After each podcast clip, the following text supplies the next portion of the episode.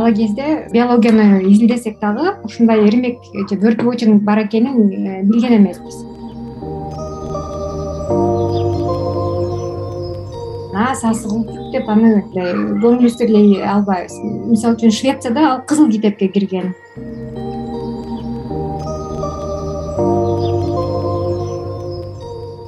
Бизге атайын кыргызстанга атайын биздин куштарды көрүш үчүн келүүчү туристтер аябай эле арбын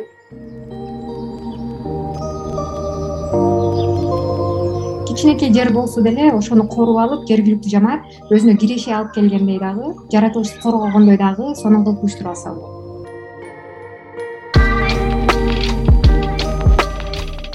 бөрт вотчинг же куш кароо туризмдин жаңы багыты катары өнүгүп келе жатат. Кыргызстанда да куш кароого кызыккандар жок эмес. Ал тургай куш ышкыбоздорунун атайын уюму дагы бар. Биринчи апрель эл аралык куштар күнүнө карата кыргызстандагы бөрт вотчерлер биримдигин негиздеген нуржан алымканова менен маектештик. Белгилей кетсек кыргызстандын аймагында куштардын төрт жүздөн ашуун түрү бар. Анын элүү жети түрү кызыл китепке киргизилген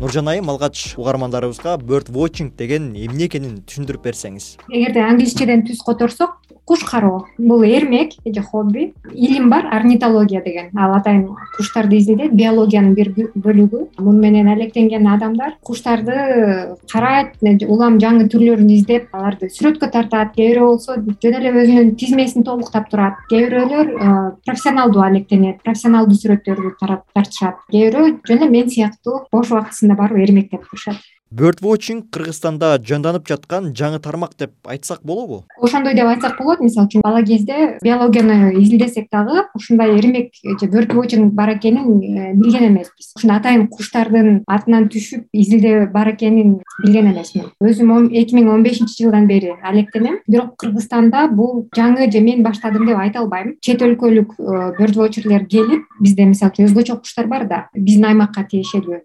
Ошолорду э, карап турушат. Ар кимибиз өз алдынча эрмектенип жүрүптүрбүз анан атайын сайт ачылып бир бирибизди ошол жерден таап анан кийин биригип эки миң жыйырманчы жылы коомдук бирикме болуп уюшуп алганбыз ошонун аркасы менен бир он бештей эле киши чакан эле тобубуз чакан эле. Ар улуттун өкүлдөрү чет элдиктер да бар арасында негизинен. Биздин аймакка мүнөздүү өзгөчө куштар деп калбадыңызбы анан ушуга кенен токтолсок биз кайсы куштар менен сыймыктана алабыз? Мисалы үчүн бизде эң көп көчөгө чыксаң эле жанагы көзү сары тумшугу сары афганский скворец деп дагы коет. Ошону биз мындай маани бербейбиз го тажатты анан мындай тигиндей көп деп. Москвалык же россиялык куш кароочулар келип алар аябай кызыгат да анткени алардын чөлкөмүндө жок аларда жок андай куштар. Же кадимки эле мисалы үчүн үпүп бизде э жайында каяка барбасаң биз аны сасы үпүп деп аны көңүлүбүздө эле албайбыз. Мисалы үчүн швецияда ал кызыл китепке кирген ал жакта жоголуп бараткан. Ушундай куштар бизде аябай көп. Тоолуу аймактарда кездешчү. Мисалы үчүн бизде бүркүт же балта жутаар э алар бизге мындай шаардан чыгып эле тиги э, тоону көздөп бассаң эле э, оңой эле көрө алабыз. А тоосу жок өлкөлөрдө андай куштар албетте жок. Же көрүш үчүн э, бир алыскы жакка барып атайын экспедиция уюштуруп ушундай кыйынчылык менен табышат да. Жоорунун бир түрү бар кумай деген э. Кумайды бизде мисалы үчүн түштүктө токтогул жакта. Машине жүргөн жолдон түшүп эле мындай караганда чоң колониялары жашап атканын көрсөк болот биз аны атайын экспедиция кылып жүрүп бир таап алдык элек. Мисалы үчүн ошол эле алматынын тегерегинде кумайды көрүш үчүн алар алыс жол жүрүп атайын жашаган жерлерин издеп ошол жака барып карашат да. Көп эле бизде аябай эле көп эле азыр. Дароо айткандардан ушулар. Демек бөрт вотчингти туризмдин бир багыты катары карасак болот экен да? Албетте албетте. Экотуризм деп коет э мисалы үчүн экологияга байланыштуу туризм дүйнө жүзү боюнча аябай кеңири тараган. Өнүккөн өлкөлөрдө мисалы үчүн пенсияга карап калган адамдар и мына эми колум бошоду деп күнөстүү күнү эле чуркап куш карай беришет да. Менин билгенимче мисалы үчүн акшда бекярд бөрт вотчинг деп коет короодогу вотчинг деп. Тиги үйүнүн аркасына түркүн бактарактар гүлдөр тигип коет дагы анан атайын ошо жем чачып же таттуу сиропторду куюп ошолорду э, азыктанган куштарды карап сүрөткө тартып өзүнүн журналдарын байкоолорун жүргүзүшөт да. Биздин кыргызстанда ал кеңири тараган эмес ошонун аракетин кылып жүрөбүз. Бирок бизге атайын кыргызстанга атайын биздин куштарды көрүш үчүн келүүчү туристтер аябай эле арбын эгемендүүлүк алганыбыз менен эле бизге биринчи келген орнитолог бирдвочерлер келип карап мисалы үчүн айрымдарын берем. Дайыма кыргызстанда туруктуу жашоо үчүн көчүп келип ушул туризмди аркалап жүрүшөт да. Өздөрү чет элдик бирок ушуну аркалап жүрүп эле ушул туризмдин багытын өнүктүрүп аткандар аябай көп. Эгерде жакшы бир кызыктуу жер болсо мисалы үчүн көлдүн тескейинде кара шаардын арка жагында ак булуң деген бир жарым арал бар да. Жаңы куш карап баштаганда аябай көп барчубуз кышкысын бизге көлгө э, кыштаганы ак куулар өрдөктүн көп түрлөрү келет эмеспи. Ошол жака барып анан э, браконьерлердин издерин көрүп тапанчанын тиги октарынын бирне калдыктарын ошолорду көрүп бир жүрөгүбүз оюп жүрдү эле. Анан жергиликтүү жамаат. Лекцияларды уюштурдук семинарлар уюштурдук сүйлөштүк өзүбүз барып көрдүк сүрөттөрдү көрсөттүк. Ушул жакта ушундай куштар бар ушундай уюштуруп алса болот деп анан демилгелүү аябай кызыктар жергиликтүү тургундар да чыкты. Ошол жакты чакан корук кылып уюштуруп коюшту да. Эми ал жака барып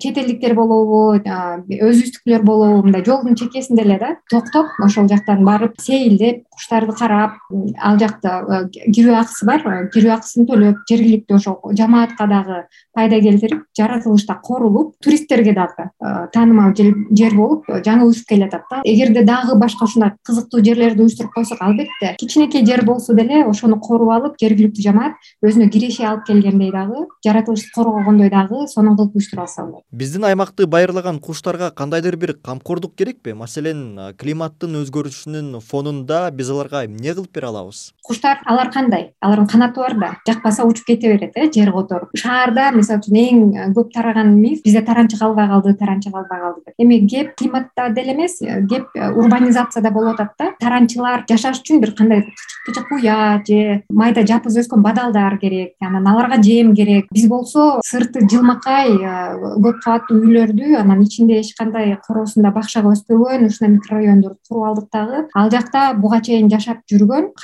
канаттууларды чымын-чиркейлерди баарын мындай сүрүп салдык десек болот да. Негизи биз куштарга экологиянын индикатору катары карасак болот да. Эгерде кандайдыр бир куштарды сейрек кездеше баштаса демек бир жерде э, кандайдыр бир өксүк бар. Э, же курт кумурска жок калды же бир чөптү биз э, түп тамыры менен жууп салдык демек ошол таасир этип атат деп карасак болот. Шаарга жакын жерлерден же шаардын өзүнөн эле кайсы куштарды кезиктирсек болот? Куштар да шаардык же шаардык эмес деп бөлүнөбү? Эми шаардык бул жана көк үчкөн көк үчкөн бул жапайыга кирбейт.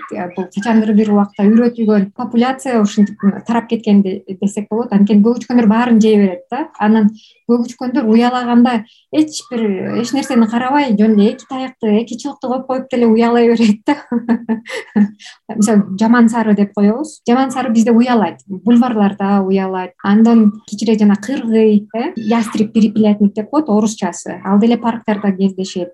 Үкүлөр тоңкулдактар аябай көп бизде мындай башыбызды өйдө көтөрүп эле карасак көрсөк болот да. Куштардын жок дегенде бир жыйырма түрүн бульвардан эле басып жүрүп санап койсок болот. Бадал өскөн жеми көп жерлер болсо андан дагы көбүрөөк таап алсак болот. Эң көп куштарды көрөм десек биз көлмөлөргө барсак болот. Ганди парк деп коебуз эми эл ичинде жаш гвардия бульварынын этегинде ошондой бир чакан парк бар. Ошол жакта майда көлмөлөр бар да.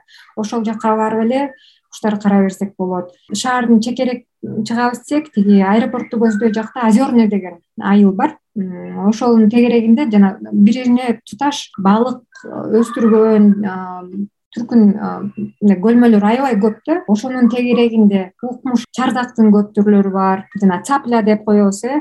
Кунастар келет майда чымчыктардын түрлөрү өтө көп. Бинокль алып алып эле карай берсек болот. Кушту жакындан караганда эле кооздугу көрүнөт да. Мындай алыстан көзүбүз жетпейт да көзүбүздүн бурчу жетпейт мындай баары эле таранча болуп көрүнө берет да. Анан дүрбү менен карасак ал такыр башка укмуш сонун чымчыктар болуп чыгат да нуржан айым маегиңиз үчүн чоң рахмат. Макул сага чоң рахмат. Ийгилик. Урматтуу азаттыктын угарманы сиз кыргызстандагы бөрт вочерлер уюмун негиздеген нуржан алымканова менен болгон маекти уктуңуз маектешкен мен нурболот азамат болдум. Саламатта калыңыз